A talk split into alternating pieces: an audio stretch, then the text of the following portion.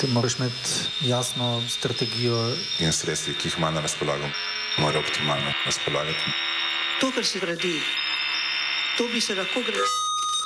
Uh, se upravičujemo, raketa pa jih bo slišala, tako kot Makisa. Točno bo slišala. Točno bo slišala, Makisa. Točno bo slišala. Se upravičujemo, točno bo slišala. Točno se ve. Točno bo slišala. Razumem. Eno skupno točko imamo in to je, da tako kot je, se ne želimo dostati. Nažalost. Vsekakor zavedam se tega problema točno se ve, kaj se je uredilo. Če bi se odločil, bi se odločil drugače. Absolutno nas čaka razmislek o tem. Raketa pa jih bo slišala, tako kot makisa. Kateri gumb pa pritisnem? Tisti, na katerem piše OF. Vrhovno sodišče Škotska ne sme razpisati referenduma brez privoljenja Westminstra.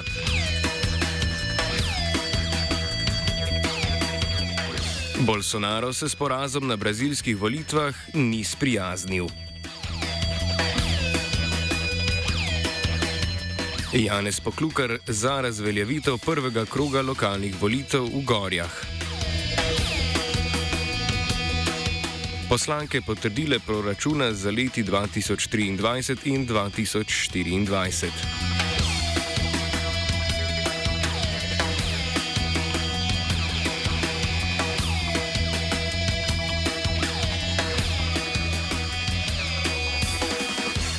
Britansko vrhovno sodišče je odločilo, da Škotska ne more razpisati referenduma o samostojnosti brez dovoljenja britanske vlade. Škotska premijejka Nicole Sturgeon, ki si prizadeva za škotsko samostojnost, je že v začetku leta oznanila, da načrtuje referendum, a da ga bodo izvedli le, če bo zakonit in mednarodno priznan. Premijejka Sturgeon je za datum referenduma že razglasila 19. oktober prihodnje leto. Vendar je v primeru sodbe, po kateri mora dobiti privoljenje Westminstra, Sturgeon že napovedala razpis referenduma sočasno z naslednjimi parlamentarnimi volitvami, ki so predvidene za leto 2026. Na referendumu bi Škoti že drugič v manj kot desetih letih odločali o svoji prihodnosti v Združenem kraljestvu. Leta 2014 je 55 odstotkov voljivcev odločilo, da so za obstanek v Združenem kraljestvu.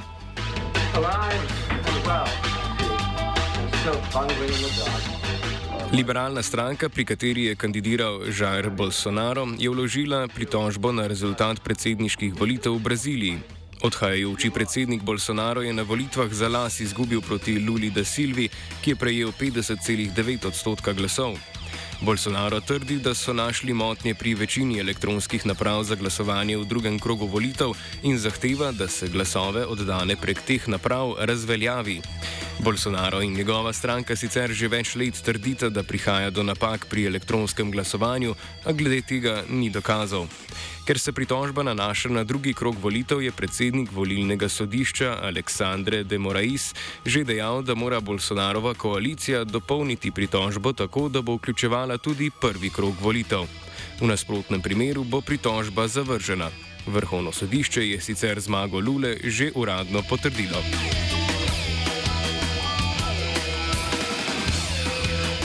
Evropska komisija je predstavila predlog o omejevanju cen zemljskega plina na nizozemskem Title Transfer Facilityju, ki je glavno evropsko središče za trgovanje s plinom. V četrtek bodo o tem v Bruslju razpravljali tudi ministri za energetiko držav članic Unije, a so mnoge države članice že izrazile nezadovoljstvo s predlagano najvišjo ceno. Tako imenovana cenovna kapica bo lahko, če bosta izpolnjena dva pogoja, uveljavljena za leto dni. Najprej bi morala cena plina na TTF-ju več kot dva tedna zapored presegati 275 evrov na megavatno uro. Poleg tega bi morala razlika med ceno zemljskega plina na nizozemski borzi za več kot 58 evrov preseči ceno utekočinjenega zemljskega plina na globalnih trgih. Ob izpolnitvi obeh pogojev bi cena plina na nizozemski borzi zamrznili na največ 275 evrov na megavatno uro. Cenovna kapica se bo nanašala zgolj na posle, ki se sklepajo za mesec naprej, ne pa na dnevne posle. Tako bo lahko uveljavljena le dobra petina vseh plinskih poslov na nizozemski borzi. Poleg tega je uvedba kapice po trenutnem predlogu komisije odvisna od globalnih cen plina. Če bodo tudi te visoke, razlika do cene plina na nizozemski borzi ne bo dovolj velika, da bi ukrep sploh začel veljati. Trenutno je borzna cena plina pod 120 evri na megavatno uro, avgusta, ko je bila najvišja, pa je presegla 340 evrov na megavatno uro. Grški minister za okolje in energetiko Kostas Skrekas je na predlog komisije že komentiral, da je kapica postavljena previsoko in da si na dolgi rok nihče ne more privoščiti kupovati plina po takšni ceni.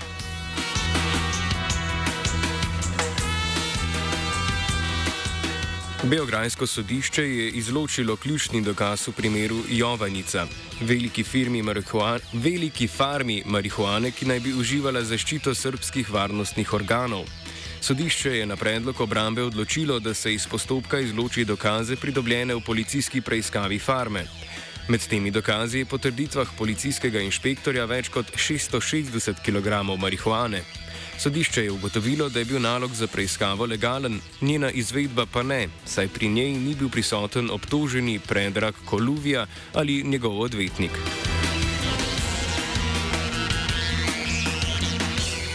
Pridi, prizivno sodišče v Kišinjevu je razsodilo, da se mora mednarodno Kišinjevsko letališče vrniti v državno last. Letališče je bilo leta 2013 prenešeno na podjetje Avia Invest v okviru javno-zasebnega partnerstva. Iz ozadja je Avio Invest vodil oligarh Ilan Šor.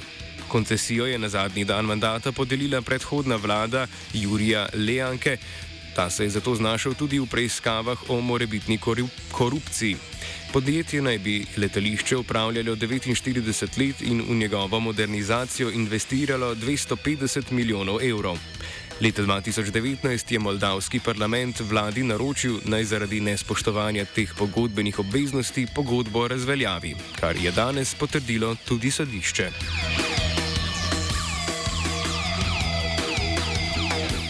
Palestinski akademik in aktivist Azam Tamini, Tamimi se je pridružil tožbi proti izraelski družbi NSO Group, ki je znana predvsem po svoji vohunski programski opremi Pegasus.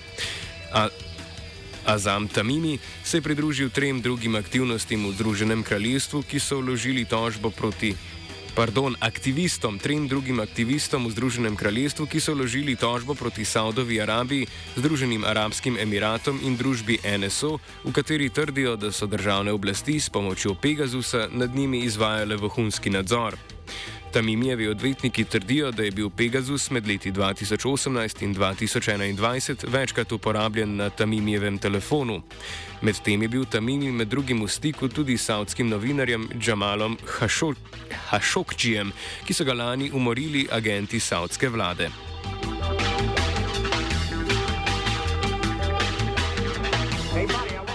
Kitajska in Japonska nadaljujeta pogovore o sporih na morju, odnosu do Tajvana ter sporov glede ozemlja. Potem, ko sta se prejšnji teden na vrhu Azijsko-Pacifiške ekonomske zveze srečala japonski premijer Fumio Kishida in kitajski predsednik Xi Jinping, so se v torek virtualno srečali še diplomatski predstavniki obeh držav. Vsaka, državna, vsaka država problematizira akcije druge države na nenaseljenih otokih Senkaku v vzhodnem Kitajskem morju, ki sicer pripadajo Japonski, lasti pa si jih tudi Kitajska.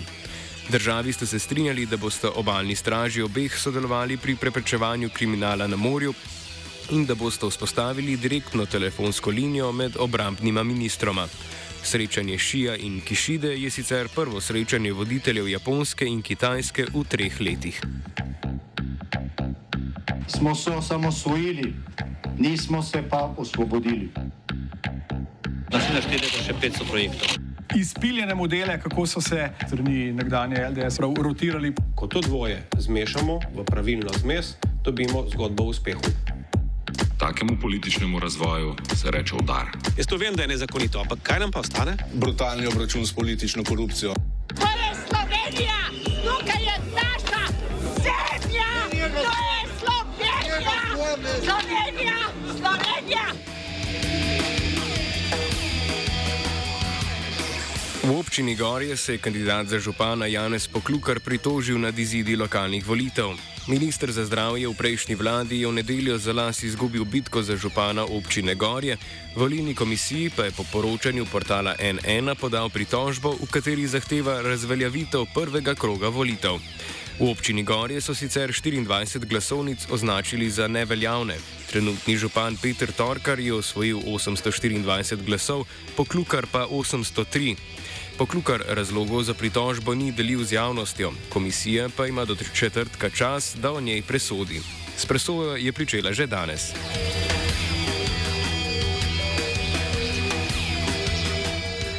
Ulogo za ponovno štetje glasov je podala tudi lista za posočje Bovec, za katero stoji kandidat Kristjan Omerovič. Osvojil je 31,7 odstotka, trenutni župan Walter Mlekuš, sicer član socialnih demokratov, pa 50,7 odstotka glasov. Vseh glasov je bilo 1532, Mlekuš pa je prejel 776. Če bi sprejel 10 glasov manj, torej ne bi osvojil absolutne večine potrebne za zmago.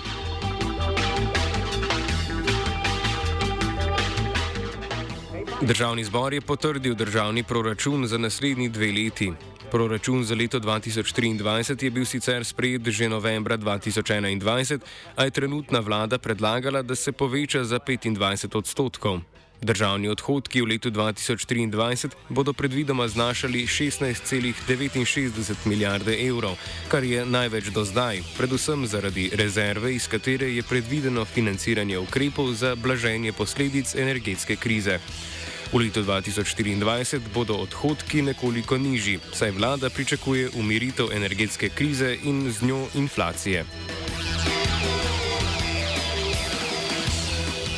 Ovsta pripravila vajenka Lea in Blaž.